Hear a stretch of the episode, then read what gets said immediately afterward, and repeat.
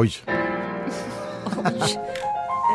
Vilke, vem spelar undrar man ju till att börja med. Jag vet inte vad han heter. Innan man, det vet du inte. Nej. Nej, jag kan inte så många pianister faktiskt. Jag kan framförallt inte de unga pianisterna. Jag kan Mm. många av de gamla, Horowitz och Polini och sådär, men de unga har ingen koll på alls förutom Juja Van, som är förmodligen världens mest berömda pianist just nu, som Mm. är en är hon från Kina? Ja, det är hon säkert. Tror jag. Underbarnet från Kina, alla underbarn är ju från Kina, tydligen. Ja, rent statistiskt är det inte så konstigt, men... eh, Nej. Men hon är ju den stora divan i den klassiska musikvärlden och har gjort en karriär på att spela de absolut svåraste pianostyckena som har gjorts utav Ravel och um, tappade namnet på den andra kompositören. I alla fall, hon, eh, hon som pianisten då alltså, Juja Van, hon uppträdde ju nästan alltid också i högklackar. Jättehöga klackar. Ja, just det, och det är hon, ja. Jätteutmanande kläder. Och sen så har hon, det är märkligt nog för att samtidigt så har hon lite så här småstadsfrisyr till, det vill säga så här rufsig nacke. och, Är det sen, småstadsfrisyr? Ja. Okej. och sen så, eh, hon läser ju Kant till exempel, Mhm. älskar hon jättemycket. Och sen så har jag hört av personer som har jobbat runt henne att hon är också världens jobbigaste människa att jobba med. Ja. Eh, faktiskt. Hon, jag får bara säga en sak till. Jag Ja. älskar ju Abado, dirigenten Abado, Mm. du vet. Och han var ju verkligen den värnaste, mest diplomatiska orkesterledaren som fanns där ute, om jag förstått det rätt. Han var nog ganska kaxig och ganska alfaaktig i unga år. Men eh, från 40-årsåldern uppåt så var han väldigt inlyssnande och gick aldrig i konflikt med människor. Men eh, det sista då in, som han skulle genomföra innan han dog var den här konserten i Luzern med Joja Van, som ligger då i Schweiz. Och de fick faktiskt ställa in den för att han kunde inte jobba med henne. Är det sant? Det blev ingenting.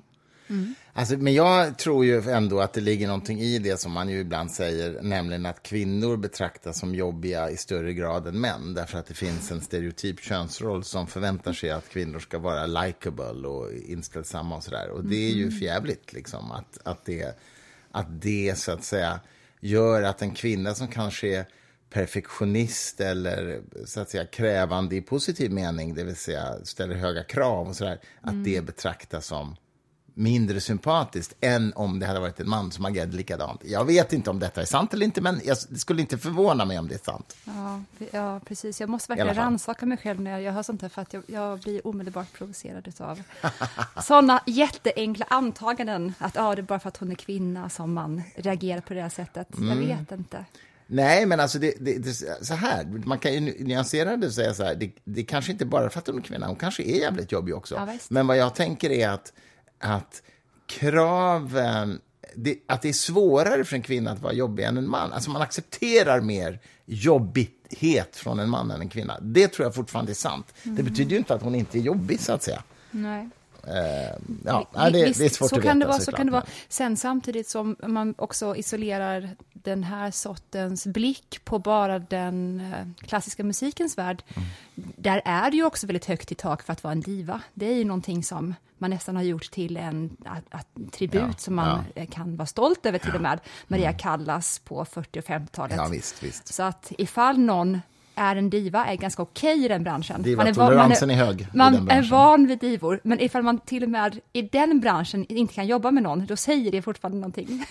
Ja, jo, jag är benägen att, att hålla med om det. Men, men, jag, jag, tänker på sådana svenska artister som Lill Lindfors till exempel, som liksom har ryktet om sig att vara eh, Liksom, ja, hur, man, hur man nu formulerar det. Jag, jag, jag, jag tror, jag har träffat henne några gånger och jag, jag, min bild är att det är en människa som bara ställer hö, höga krav på, på professionalism. Jag liksom. har träffat ljudtekniker som har jobbat med henne och de har inte riktigt samma bild. Nej, jag vet, Så det kanske är så vet. att hon var jättetrevlig mot dig för att du befann dig någonstans på hierarkin som Ja, hon. ja, ja, ja. Så Men jag samma sak. Ja, mm, ja, men, ja, mm. ja, det där är en intressant diskussion. Vi, vi, vi kan inte gå in i den. Skål! Skål, Styrmark! Hur mår du? Mm. Berätta allt för oss. Ja, men jag mår Om ganska ditt- bra. Lite trött idag. Vi hade ju en underbar, rolig middag igår med David Turfjell och Nina Hemmingsson, våra kära vänner. Ja. Och eh, eh, pratade om allt mellan himmel och jord, bokstavligt talat. Inte så mycket jord, mest himmel Mest faktiskt. Och, mycket och, Guds existens och så vidare. eh, och, och David är ju eh, sommarpratare, vilket ju är väldigt kul. Ja. Så att det är en grati, gra, gradulerade vi honom. gradulerar, vi gratinerar honom. Vi ska säga omedelbart vilket datum som han pratar. För Ja. det är verkligen, är det, någon, är det någon, något sommarprat man ska lyssna på i sommar, så är det ju Davids. För att det är, Mm. Alla säger åh vad djupt och vad berörd man blev av sommarprat. Mm. och sen så är det alltid så grunt så att man liksom, det går inte, Ja, det går inte att det kommer det inte bli med drunkna David i det. Nej, men, det, kan vi nej. vara säkra på. Så 30 ju, juli pratar han, 30 alltså juli. 3-0 Okej. juli. Ja. Eh, Men det är lite kul, nu för tiden får de ju i princip aldrig spela in live. På min tid, min sann, då gjorde man sommar live. Jag sommarpratade fanns det radio då?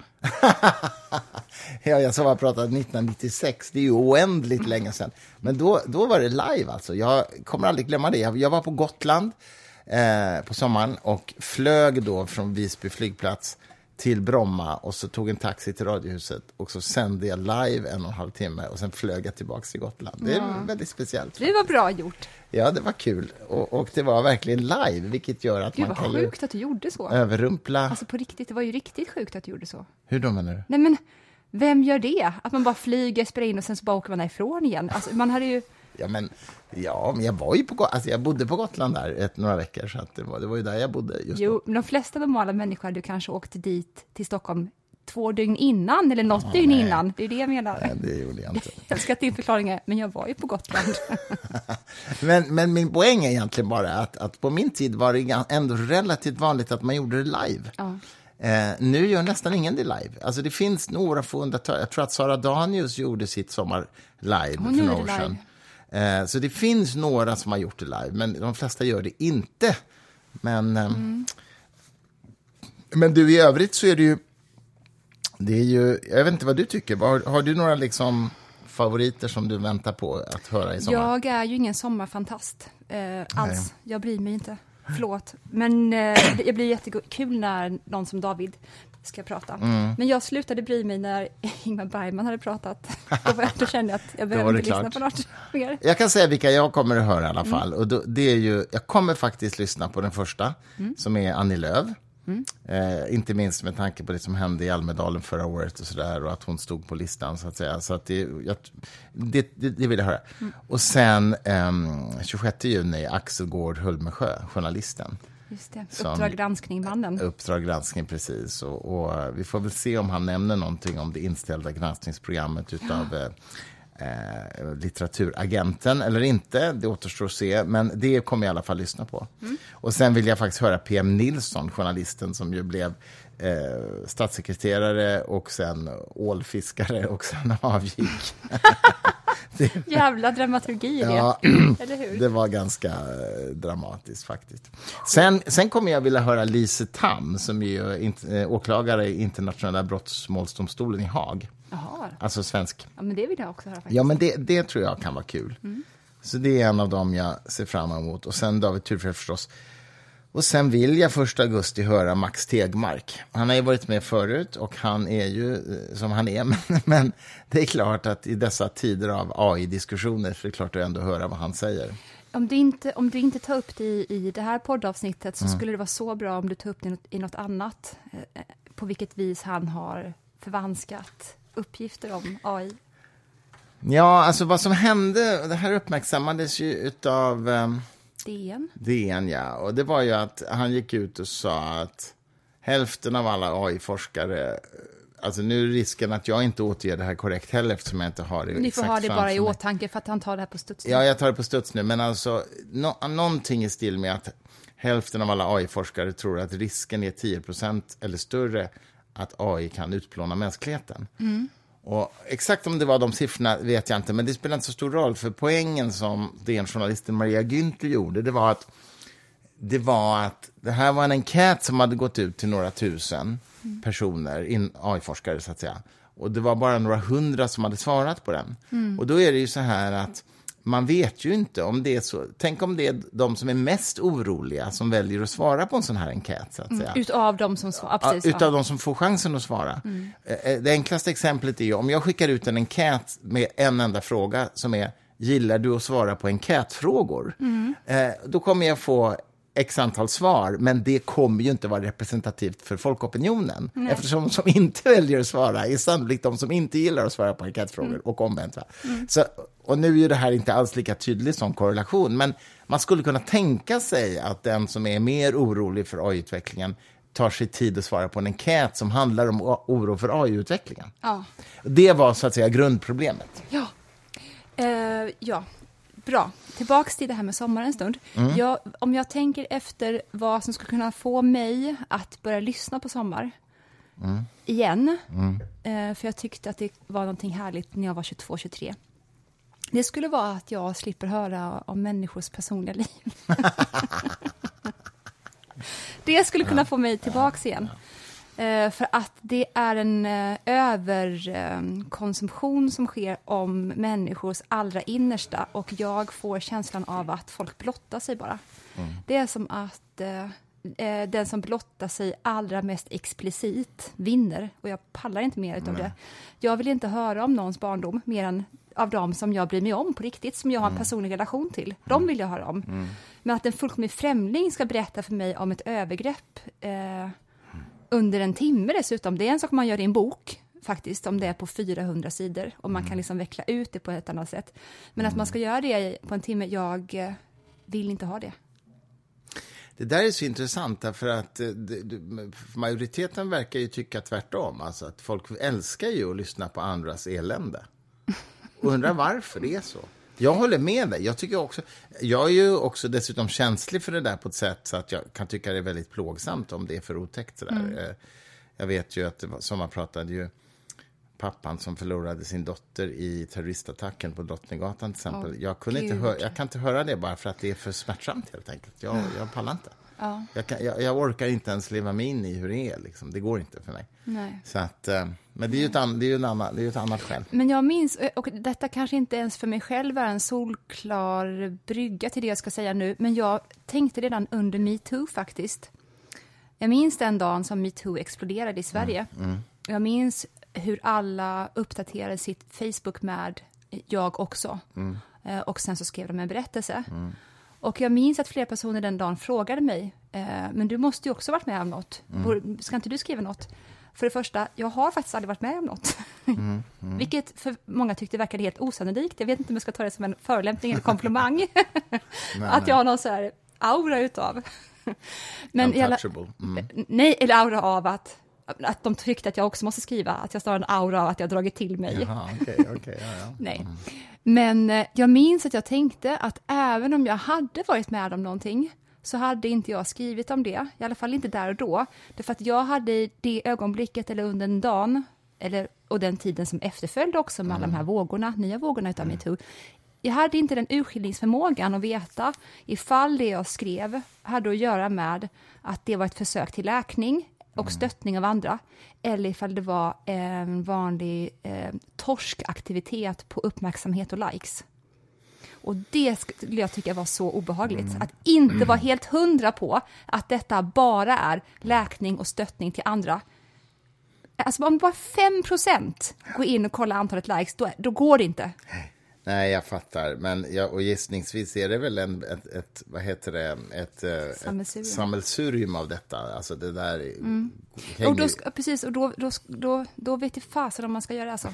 Nej, Jag vet Nej inte. kanske. Jag vill inte, jag vill inte, okej det kanske är fel att säga så, men jag vill inte att någon ska använda sina övergrepp på det sättet. Mm. De är för avgörande för ens liv, de är för viktiga för det, för att Mm. inkassera den sortens uppmärksamhet. Jag tror att väldigt många människor inte kan hålla isär sina motiv Nej, liksom, och, och så. Nej, jag vet. Utan och det, det är, rör ihop- och det är det som är att vara människa. Man ska Ja. inte döma någon för detta. Vi, vi är ett hopkok utav aktiviteter och förföreställningar som dessutom är oartikulerade. Vi har väldigt sällan koll på vad vi håller på med, jag med. Det är ju ett spaningsarbete man får ägna sig åt i nästan efterhand och försöka se vad var det som hände här egentligen. Ja, verkligen. Eh, verkligen. Eh, nej, men så, så, så, precis så tror jag det Förresten, en helt annan sak nu när vi talar om sor sorgliga, jobbiga saker. Mm. Du och jag ska ju på tisdag gå på begravning, vilket ju inte är så eh, kul, kort sagt. Nej, vi gör ju inte det så ofta, tack och lov. Alltså. Tack och lov. Detta blir vår första tillsammans. Ja, vår första begravning. Mm. Du och jag och Gunilla, din exfru, ska gå tillsammans. Precis. Stefan Nilssons begravning, helt mm. enkelt. Eh, som ju fick den här aggressiva ALS-diagnosen i februari faktiskt. Ja. Och är nu död sedan ett, ett, par, någon vecka, ja, ett par veckor tillbaka. Ja, det är verkligen ofattbart. SVT har ju gjort en väldigt fin, Tom Alan har gjort en väldigt fin dokumentär om den här sista tiden i hans liv som heter Beskedet. Den ligger på SVT Play, vill jag faktiskt rekommendera att se. Mm. Um, uh, och vi, du kände ju dem jätteväl sen, sen länge. Jag lärde känna dem egentligen genom dig. Även om jag tror jag har träffat dem någon gång tidigare. Ja, och det min vet exfru jag. jobbade ju med Stefan Nilsson eh, förra julen, senaste julkonserten. Ja, visst. Mm. Ja, visst. Ja, visst. Gunilla Backman ju... alltså. Ja. Mm. Mm. Precis. Så det ska vi gå på uh, på tisdag. Och det är sorgligt, men säkert väldigt fint och värdigt kommer det vara, skulle jag tro. Ja. Så att, uh, mm. Tur att man inte behöver göra det så ofta. Ja. Efter det så åker vi till Almedalen förstås i sommar. Det ja. ser jag fram emot. Det blir ju vår semester. Ja, vi har ju två semestrar egentligen. Ja. Faktiskt. Bordeaux men, menar du också? Vi ska till Bordeaux. Men jag ser ju jättemycket fram emot det här är det, är det bästa myset av... Okej, okay, det säger jag ju hela tiden om allt vi gör. ja. Men det är att vi ska... Alltså på ett sinnessjukt sätt fram emot att jag ska bjuda dig på Rökeriet, som är den här underbara restaurangen i hamnen. Eh, du menar i Nynäshamn, ja, innan vi åker? Ja. Det är vår procedur alltid. Mm. Då dricker vi vitt vin och sen så äter vi en underbar skaldjurslunch. Mm. Ja. Vi drar verkligen på där. Ja. Och sen så är det samma sak att vi åker båt och då lägger du dig och sover lite. Alltid utomhus. Ja, om vädret tillåter i alla fall. Ja, på båtdäck, det är faktiskt mysigt. Där ligger du liksom, det är så kul. och så och då, brukar vi spela schack där också. Så går jag in och jobbar. Ja. Och sen så vaknar du och då sätter vi oss allra högst upp på båten och så spelar vi schack sista tiden av resan. Ja, jag tycker det är alldeles utmärkt. Nu har vi dessutom ett ganska fint reseschack som vi har inskaffat just för att kunna ja. göra såna Hur tur har vi? Vad bra allt blev. Ja, det blev bra. det blev bra. Och sen ska vi ha fyra extremt intensiva dagar mm. i i uh, Visby, Almedalen. Apropå att vi fick varandra och att det blev så bra och så. Tror du att folk, nu var det ju inte några av, visserligen inser jag nu, dina vänner som kände till mig innan. Mm. Och eh, jag kände ju inte till dig innan Nej. vi träffades. Men jag vet att mina vänner och bekanta kände till dig, mina mm. kristna kompisar. Jag undrar, och de känner ju mig, jag undrar ifall det var mycket höjda ögonbryn när vi blev ihop, du och jag. För de tänkte, hur går det där ihop? Det, jag det... tror att folk fortfarande tänker det. Ja, det gör de säkert. Alla som inte lyssnar på den här podden tror jag tänker det, för att de, de som lyssnar begriper ju hur det går ihop. Ja. ja, det är säkert många som undrar. Det finns så mycket uppfattningar hit och dit. Hit och dit. Oh, Gud. Men jag ska ju, vi ska ju bland annat gå på katolskt mingel i Almedalen. Apropå, ja, precis. Eh, och... Det som du blev bjuden till, jag är fortfarande kränkt. Det är ja, du som får en inbjudan av Thomas Idegård. Ja, ja, men visst. Ja. Min, min eh, antagonist, Din Thomas Idegård. superantagonist. Det är så roligt, för mm. han är faktiskt det. Ja, han är det. Han är det. Gud vad vi har älskar ärligheten i det. Ja, ja, nej, men det är tveklöst. Vi tycker inte lika om i stort sett någonting, tror jag. Nej, och inte bara det. Alltså, det kan man ju ha en, man kan ha en nobel diskussion om det då på en, ett lätt och mm. lustfyllt sätt, men det är ju kompakt mörker mellan er. Ja, vi har en ganska aggressiv diskussion om det, men, men ja. inte så aggressiv så Men inte på grund av dig, skulle jag säga. Nu är jag ju partisk alltså, på målet. Men... ja, och jag menar, som, som framgår så det är inte värre än att han har bjudit mig och oss då på det här och eh, jag tycker det är kul att prata med honom, men det, det är verkligen vi är på otroligt olika platser mm. I, i vår tankevärld. Så att säga. Och jag och han med, ja, Ja, men, eh, men som sagt, jag gillar ju det. Liksom. Och man måste skilja på sak och person. Det, är det liksom finns grundläggande. Ju, ja, visst, det finns ju en massa mysiga katolikfarbröder som är präster från Uppsala som jag, har, då, som jag umgås med. Mm. När du och Thomas står och liksom typ känner på varandra verbalt. Mm. ja, ja, ja.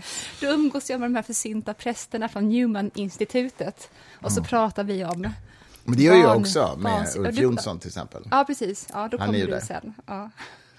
Han, är, han ska ha ett seminarium om den boken som han har gett ut på Fri Tanke förlag.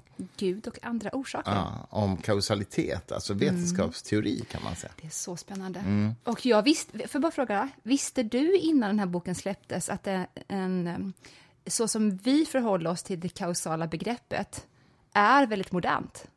Alltså det vill säga upplysningstids... Um, ja, alltså det där är ju en definitionsfråga. Visste och visste. Jag, jag, visste inte så mycket som jag vet nu efter att ha läst hans bok. så att säga. Men lite, lite grann kan man väl säga. Alltså kausalitet har alltid varit eh, notoriskt svårt att definiera vad det är för någonting. Alltså rent vetenskapsfilosofiskt. Mm. Och, eh, och jag menar, det går tillbaka till Aristoteles teleologiska föreställningar om, om liksom kausalitet och syfte och mål och sådär. Men, mm, men, eh, och att det här har liksom förändrats över tiden och också med kvantfysikens ingång. Och så Men, men jag lärde mig mycket av hans bok och det man ska komma ihåg, även om han är då jesuit pater och professor i filosofi, det är ju att boken är ju inte ett argument, även om den heter Gud och andra orsaker, så argumenterar den inte för Guds existens.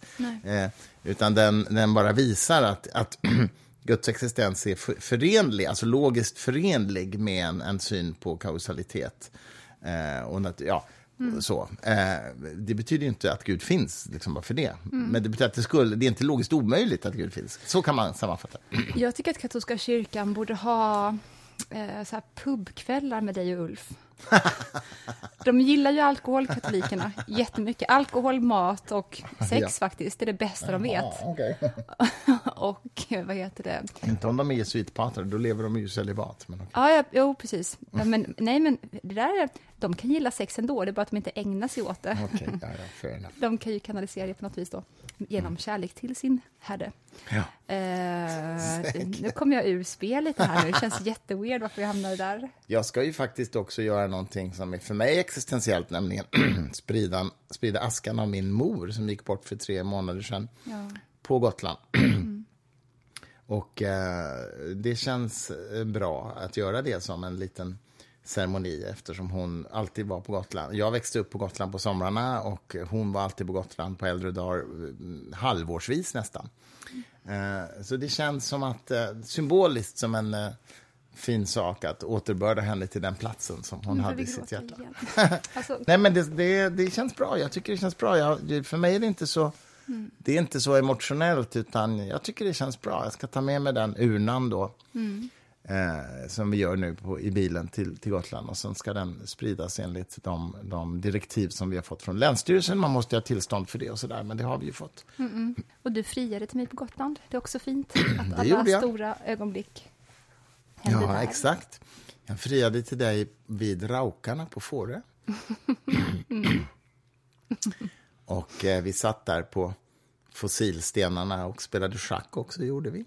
Kommer vi gråta för det Det kommer vi nog göra i sommar igen. ja, det kommer vi göra, älskling. Det kommer vi. vi har säkert sagt det i podden förut, men jag måste ändå säga det. När vi satt och spelade schack där vid Raukarna på Fårö så passerade en man och såg oss spela schack och så sa han bara så här, det är jag som är döden, sa han. Det, det, är faktiskt det, är det roligaste spontana grej. Som, alltså det var så vitsigt. Han gick helt ensam och långsamt med klapperscenen också. Ja. Det var jätte... det var faktiskt väldigt kul. Jag... Eh, ska jag prata lite om Churchill, eller är du sugen på att fiska upp någonting från din bakficka? Nej, men alltså, du, det är ju så här att du har ju snöat in på Churchill som förban till förbannelse de senaste veckorna. Men det är ju för att jag har förstått och... att jag är reinkarnationen av honom. Precis, och det var det jag tänkte. Du måste faktiskt berätta om det, för att du har ju otroliga Churchill-historier up your sleeve. Mm. Och du kan ju ta liksom en i taget kanske på olika poddar, men det, du måste berätta om Churchill. Jag, är... jag tänker på din tåghistoria. Ja, visst. För den vill jag att du berättar för lyssnarna. Jag ja. har ju hört den, men du får berätta den för mig mm. och för lyssnarna igen. jag kan bara börja med att berätta den här uh, ganska kusliga scenen då hans övriga familj läser igenom hans gamla dagböcker mm. när Churchill är död. För att han sparade ju allt, notorisk samlare, mm. och katalogiserade alltihopa som han hade från sitt liv. Och då när han är 16 år gammal och är på internat, då skriver han, jag kan se in i framtiden. Det kommer det. komma en dag då hela Storbritanniens öde vilar på mina axlar. Det kommer bli en lång och svår kamp, men jag kommer bli den att rädda England. Mm. Detta är... 16 år gammal igen då? Ja, då är han 16. Detta är inte bara det enda tillfället som han skriver om hur han kommer en dag behöva rädda henne. Med mm. det menar han då.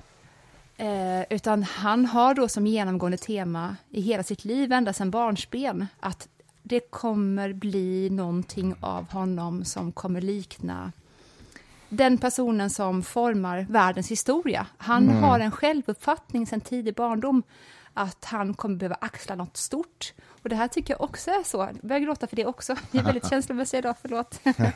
för att det blir ju, det, om, man då, om man vet att han har den karaktären, om man också känner till vilket nederlag som han eh, åtsattes i första världskriget, att han eh, blev ju totalt alltså eliminerad från den politiska scenen, mm. från militären. Han var ingen, han var uträknad. Mm. Vad gör det med en persons självbild när den från början såg så storslagen ut? Man mm. trodde att man, man, var menad för någonting. Man var predestinerad. Man, liksom. Precis, man var övertygad att han inte där, som också hade en depressiv läggning mm. eh, och verkligen en beroendeproblematik som var ganska alarmerande, att han då inte helt ärligt söp ihjäl sig mm. efter första världskriget begriper inte jag. Nej. Men det är på ett vis också Churchill, att aldrig låta sig besegras helt och hållet. Man, mm. man, man kommer till någon botten och sen så skjuter man ifrån mm. jämt. Mm. Eh, så att jag är alltså verkligen förälskad i denna man. Man kan tycka vad man vill om imperialismen och så vidare, men som karaktär var han otrolig. Och jag ska bara ge er ett exempel mm. på då hur också komisk han var komisk mitt i det stora allvaret. Mm. Och, eh, han jobbade alltså som krigskorrespondent. Innan första världskriget så var han alltså jättekänd i England och Storbritannien som den mest berömda krigskorrespondenten. Han var på Kuba, han var i Indien väldigt länge och sedermera så hamnade han då i Sydafrika. Och när han är i Sydafrika, då är han den bäst betalda krigskorrespondenten utav alla. Kipling är där också. Eh, vad heter han som skrev Mörkrets hjärta? Uh, Joseph Conrad. Conrad. Conrad var också mm. i Sydafrika som mm. krigskorrespondent. Mm. Men den som hade mest betalt av alla, det var Churchill. Mm. Varför då? Jo, därför att Churchill hade ingen självbevarelsedrift. Han var beredd att ta sig till platser som ingen vågade ta sig till. Så att de som hade anställt honom, The Daily Mail, visste att okej, okay, han är, han är jättejättedyr, mm. men antingen så får vi historier som ingen kan leverera, menar mm, han. Mm. Eller så kommer vi inte behöva betala ut de här pengarna för att han blir skjuten. Mm. Så det är ju win-win, liksom. Gud, alltså. Cyniskt. Jag vet, ja. men det är ju engelsk press också, ja, ja, redan då. Men under det här då, uppdraget i Sydafrika, då är det ju att eh, den inhemska befolkningen gör uppror mot Storbritanniens soldater. Det här är en lång historia som vi inte ska ta nu. Och eh, han blir alltså, trots att han är journalist, fängslad. Han hamnar i fängelse. Mm. Eh, och då är ju förhållandena inte värre än så här för en engelsman. Och det är att han har fortfarande rätt att beställa en tweedkostym till exempel. Det är det första han tar sig an när han sitter i fängelse. Det är råttor och skit och det är ju liksom inga bra matförhållanden. Men han ska absolut ha en tweedkostym mm. skräddarsydd. Tweed, ja. ja mm. och så, eh, sen också Måste till så, ja, så att han blir klippt av den bästa barberaren som finns i närheten. okay. Problemet är detta, och det är ju att han planerar att han ska fly, Churchill. Mm. Mm. Och han flyr på ett sånt här liksom, eh, James Bond-taffligt sätt nästan. Han knyter ihop lakan. ja, ja, och sen, väl beprövad metod. Och, ja, och i sängen så lägger han kuddarna på ett sätt sånt under täcket så att det ska se ut som att han ligger där. Så att när fångvaktaren kollar in i cellen då ska det Trick se ut som, som att... alltid funkar. Ja, men det är som i en film, som en spionroman. Han klarar att fly. Ja. Grejen är att han ska ha med sig några fler personer på flykten som också är engelsmän och han vet om att de har sparat upp ett matlager. De kommer behöva det för att det är liksom savann runt omkring det här fängelset. Mm. Problemet är att när han har liksom tagit sig ut och liksom sitter gränsle över muren, då kommer inte de andra. Och han tänker, vad ska jag göra? Det var de som hade maten. Mm. Och så tänker han, ja, då är det som det är. Så han hoppar. Vad han inte har tänkt på, och det här är också så klassiskt Churchill, det är ju att han har ju beställt klippning till dagen därpå. han har glömt bort det. Ja. Så att istället för att då kunna springa x antal timmar ännu längre så kommer barberaren vid typ sju på morgonen. Jättetidigt skulle den komma och avslöja då att han Men är borta. Ja, ja, ja. Det hade han inte tänkt på. det var en dålig planering. Han hade ingen kalender ordentligt. Mm. Nej. Eh, men jag ska inte dra ut på den här historien allt för lång. Den är vindlande och den finns att läsa om i My Young Life som också finns på Storytel faktiskt. Mm, mm. Jag berättar om allt det här. Um, hur som helst så kommer det vara så att han kommer lyckas att komma till en järnväg och där kommer han lyckas stanna ett tåg. Mm.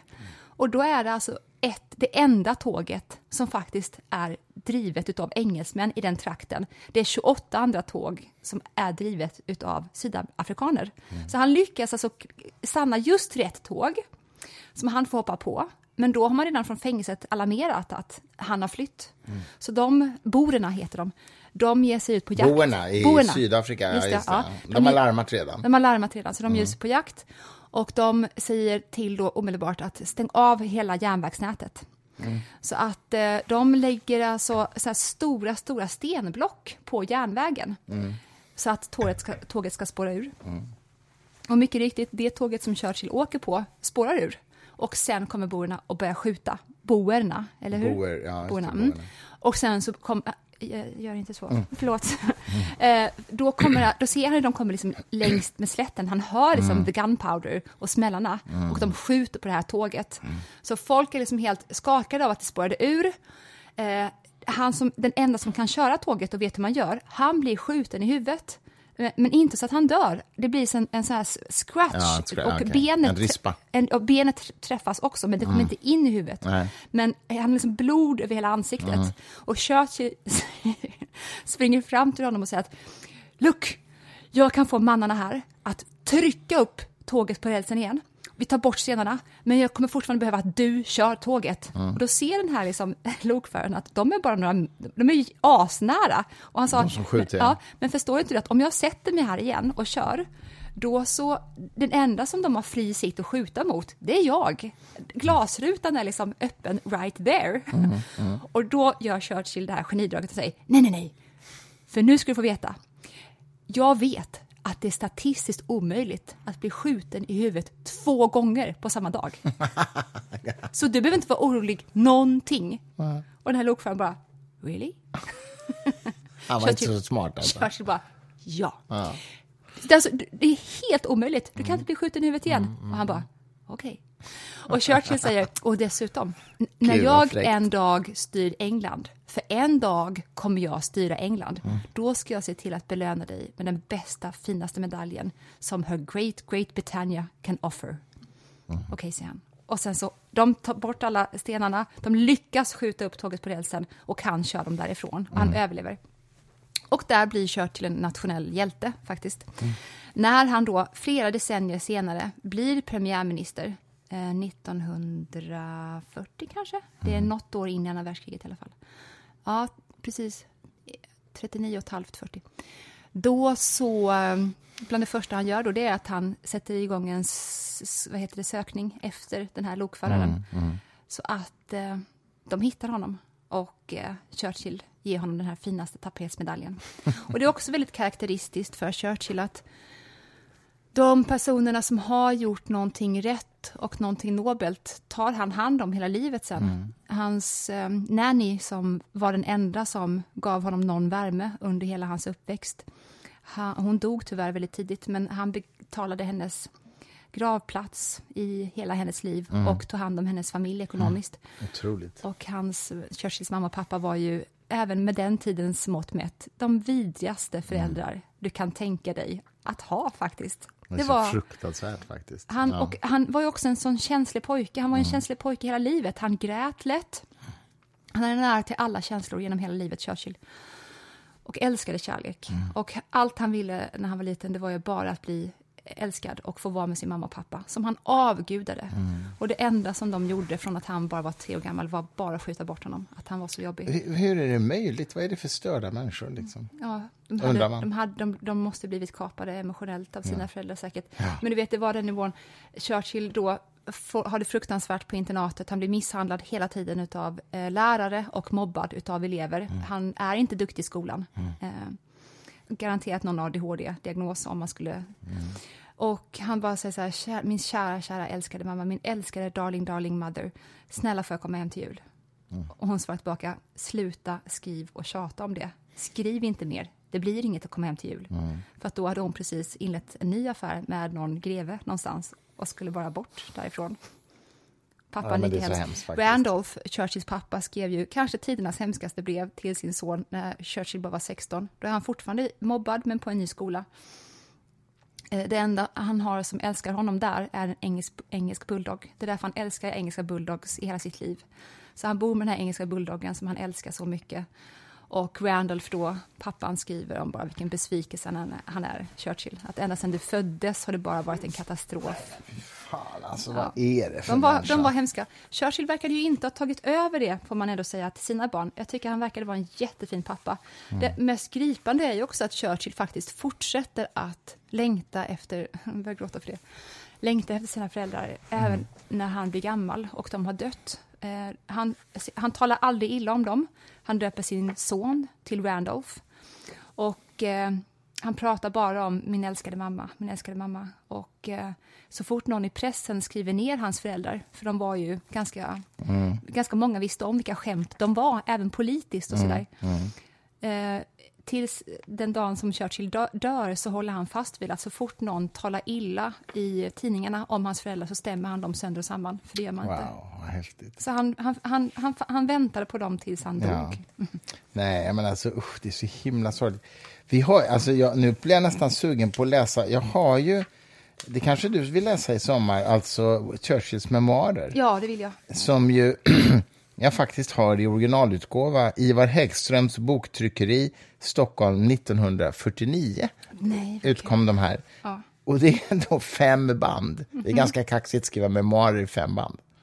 Ja, fast man får det om man är han. Om man är Churchill. Det är bara och det det. handlar ju framförallt om andra världskriget, så att säga. Men, Mm. eh, men eh, det, det, för det är ju memoarerna från andra världskriget. Otroligt. Ja. Jag kommer sluka det där. Och liksom om Mussolini här, och du vet, och det är Ja. så här, liksom varje kapitel är så här, det här kapitlet till exempel, Mussolini överfaller Grekland, oktober till november 1940, det är liksom det kapitlet. Och du vet, han, varenda brev han skriver, varenda dialog han har med statschefer och så vidare någonstans i världen är med i den här boken, så att säga.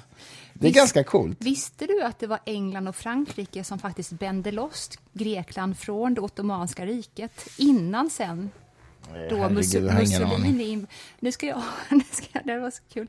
Att vi satt ju, du och jag, och kollade på världens längsta dokumentär om första världskriget, för vi tänkte att vi Ja. måste få ordning på det här Det nu. Vi tog ett glas vin, kanske ett halvt, och sen så körde det igång. Ja. Och vi satt och kollade i en och en halv timme. Jag kan inte återge, jag, jag vet ingenting.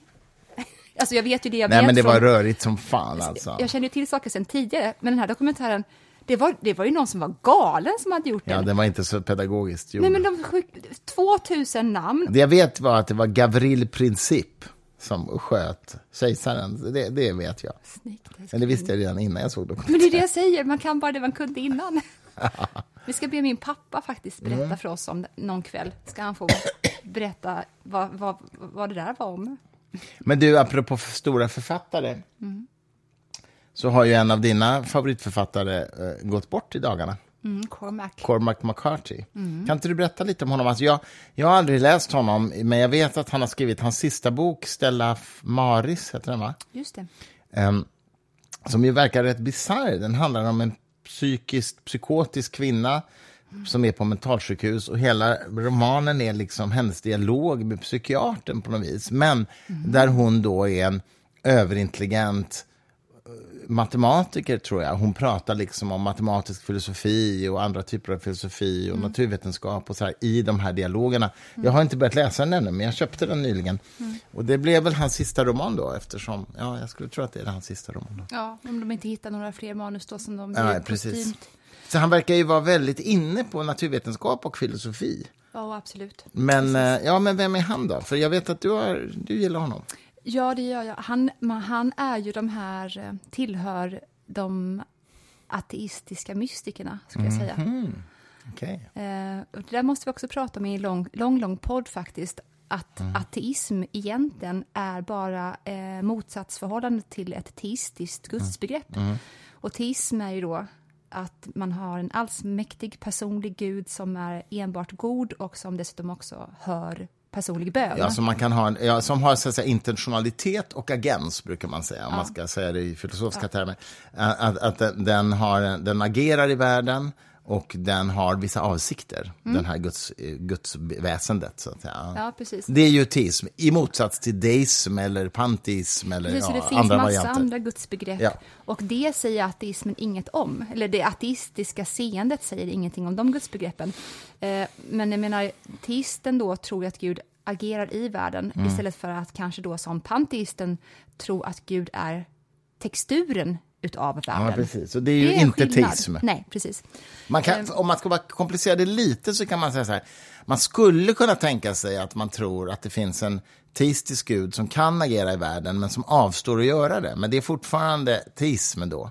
Eh, medans, medans en deistisk gud är ju en gud som, som är så att säga, någon slags kraft som möjliggjorde världens tillkomst men som inte har någon slags som är amoralisk, så att säga. Den har ingen, liksom, inga moraliska intentioner och ingen agens. Mm. Men ja, skitsamma. Ja. Så att han var, nu när vi haft den här snabbkursen, han var alltså ateist, men jag skulle absolut säga att han var mystiker. Och Mm. så som alla mystiker så blir det ju väldigt blurry eh, när man försöker de förhåller sig till tystnaden, de förhåller sig till tomrummet. Mm. Och vad det är som händer i tystnaden och tomrummet är någonting som är bortom språket. Och han var alltså mystiker, inte i den vulgärkulturella new age-betydelsen av ordet mystiker. Det, det tror jag också är viktigt att säga. Absolut. För det är ju också något, många människor ko- kopplar nog begreppet mystiker till liksom new age-flum. Men det här är något annat. Ja. Och detta är bara obs min syn på Cormac för att jag tror att många människor läser hans böcker som en samhällskritik och att han hade då passion för eh, livet i södern, Amerikas historia, eh, blodets meridian, med, mederian, med, ja, ni vet vilken jag menar. Blod- blodets- Mm, blodets men, Ja, jag, jag, jag, jag lägger till det här. Är det en bok som han... Precis, som handlar om amerikanska... Meridian antagligen. Just det, tack. Eh, amerikanska urinvånare och sådär. Men han var väldigt bra på att eh, skapa tillstånd i sina böcker som gjorde att man hamnade i det där eh, mystiska tomrummet. Vad, vad gör du nu? Tom Holland, se där hittar du. Ja, jag vi, vi kan gå vidare från Cormac, eh, för att jag har inte så mycket mer att säga än att vägen är otrolig såklart. Och att det var speciellt att det finns faktiskt en väldigt bra intervju med honom med Oprah. Han gav inte en, en enda intervju på nästan 30 år, Cormac, och sen till slut så gjorde han det med, med Oprah av alla människor. Men det är väl så man också når mest räckvidd. Och eh, den är väldigt lugn och konstig och jätteintressant. När då? Detta är bara, ja men kanske tio år sedan då. Han Men du, då gammal. ska jag berätta något som jag kanske inte ens har kommit ihåg att säga till dig, men Ja. som kan vara lite kul. Ja. Apropå det. Den, sen, den troligen hans sista intervju, längre intervju, Mm. gjorde han ju, finns på Youtube, videofilmad, med en person som jag känner ganska Mm. väl, nämligen Lawrence Krauss. Eh, Va? fy- fysikprofessor i USA. Mhm. Eh, och eh, han har skrivit eh, flera böcker, vi har gett ut honom. Wow. Och eh, han hems besöker, Hemsöker. hemsöker, men, alltså hemsöker i ordets korrekta Berätta. mening, nämligen åker hem till Cormac och eh, intervjuar honom. Och det, det var nog inte mer än ett, ja inte ens ett år sedan tror jag. Wow. Så det är nog en, hans sista riktiga intervju skulle jag tro. Det var Finns på Youtube. Han skrev ju Vägen Cormac som handlar då om en pappa och hans son. Han försöker ta dem från punkt A till punkt B och punkt B är västkusten. Och det är ju en framtid då, då all eh, mat och allt vatten är förbrukat. Det, det är för jävligt bara överlag. Eh, men det hemska är att han skrev den när han hade fått barn med en... Han fick barn när han kanske var 68, Cormac. Ja. Och då fick han det väl med... Ja, precis. Men hon var... Jag tror att hon serverade på något ställe där han brukade besöka och så hade hon svåra missbruksproblem. Så att hon var ju heroinist. Mhm. Så Cormac, när han bara är då liksom 70 år gammal, ska ta hand om det här barnet själv. Och då skriver han då vägen. Men, Mhm. Och sen så tillägnar han den till sin pojke. Nej, gud vad fint.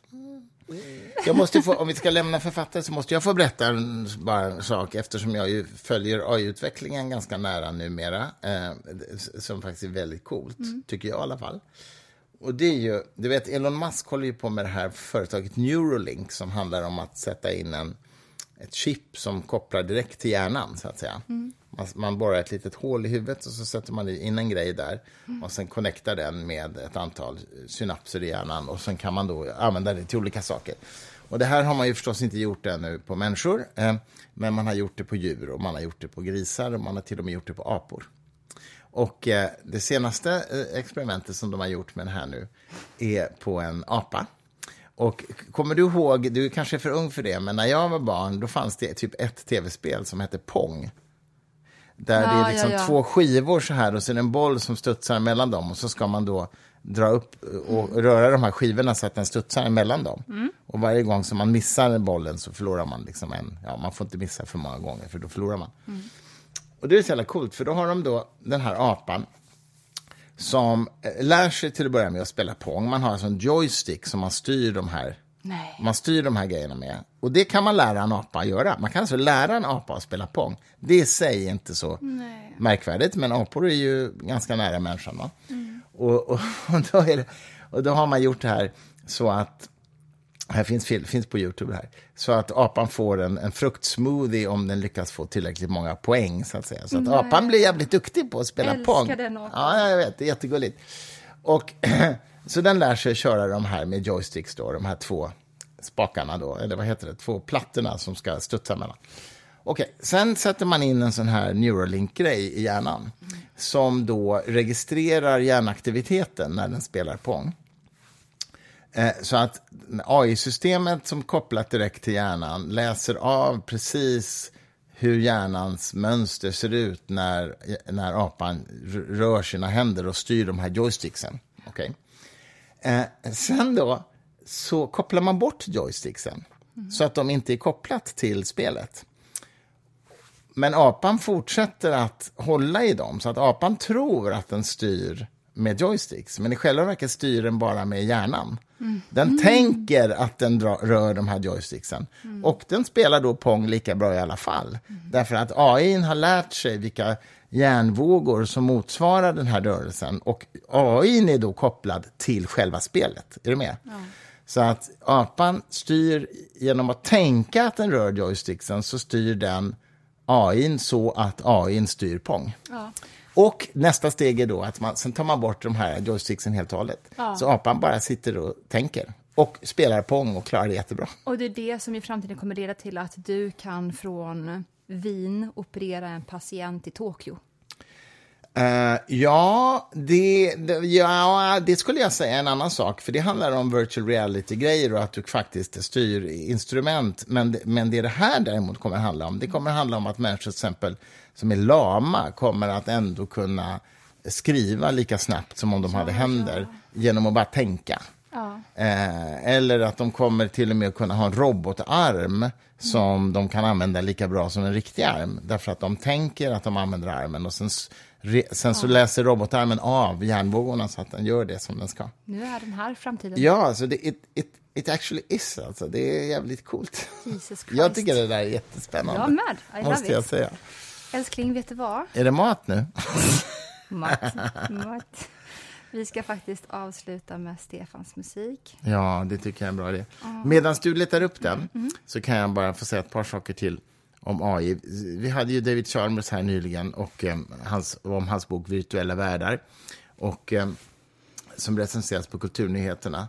Och jag tycker att det var en konstig recension. Den var i och för sig positiv, men recensenten sa så här, ja men jag tror att han har fel. VR kan aldrig vara verkligt i någon mening. För att, för att, och han sa också, ehm, därför att VR ingår ju fortfarande i den riktiga världen.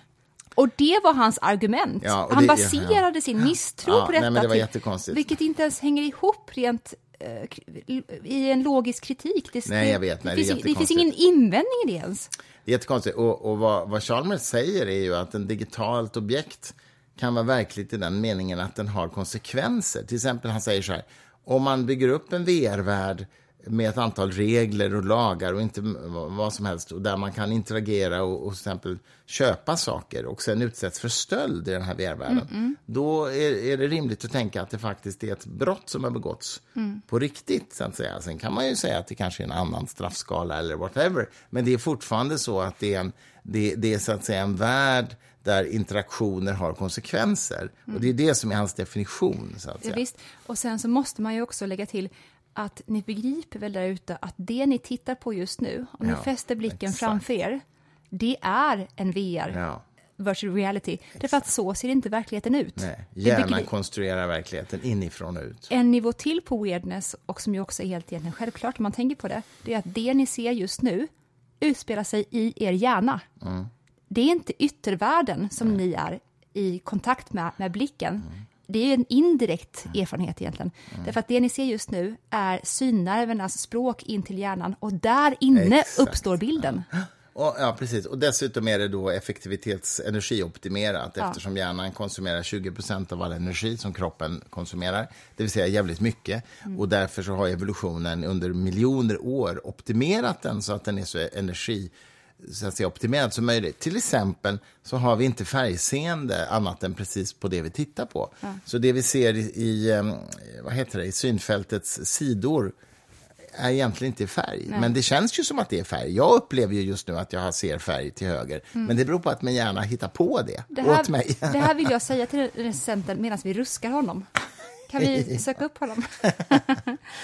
eh, Nu ska vi se, jag ska sätta på rätt musik. Och jag vill också under tiden tipsa om min nya favoritpodd som heter And the rest is history. Ja, utav. Tom Holland och hans bästa vän Dominic, vad han nu heter i efternamn. Båda två är ju scholars utav högsta acclaimity. Och eh, de är så roliga och knäppa och de tar upp de roligaste historiska personerna och skeendena. Den är, den är, den är bäst där ute.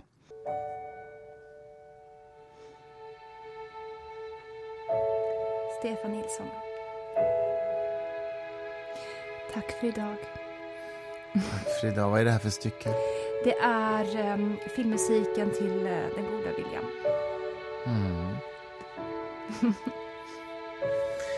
Vi ses nästa Vi söndag. ses nästa söndag. Hej då.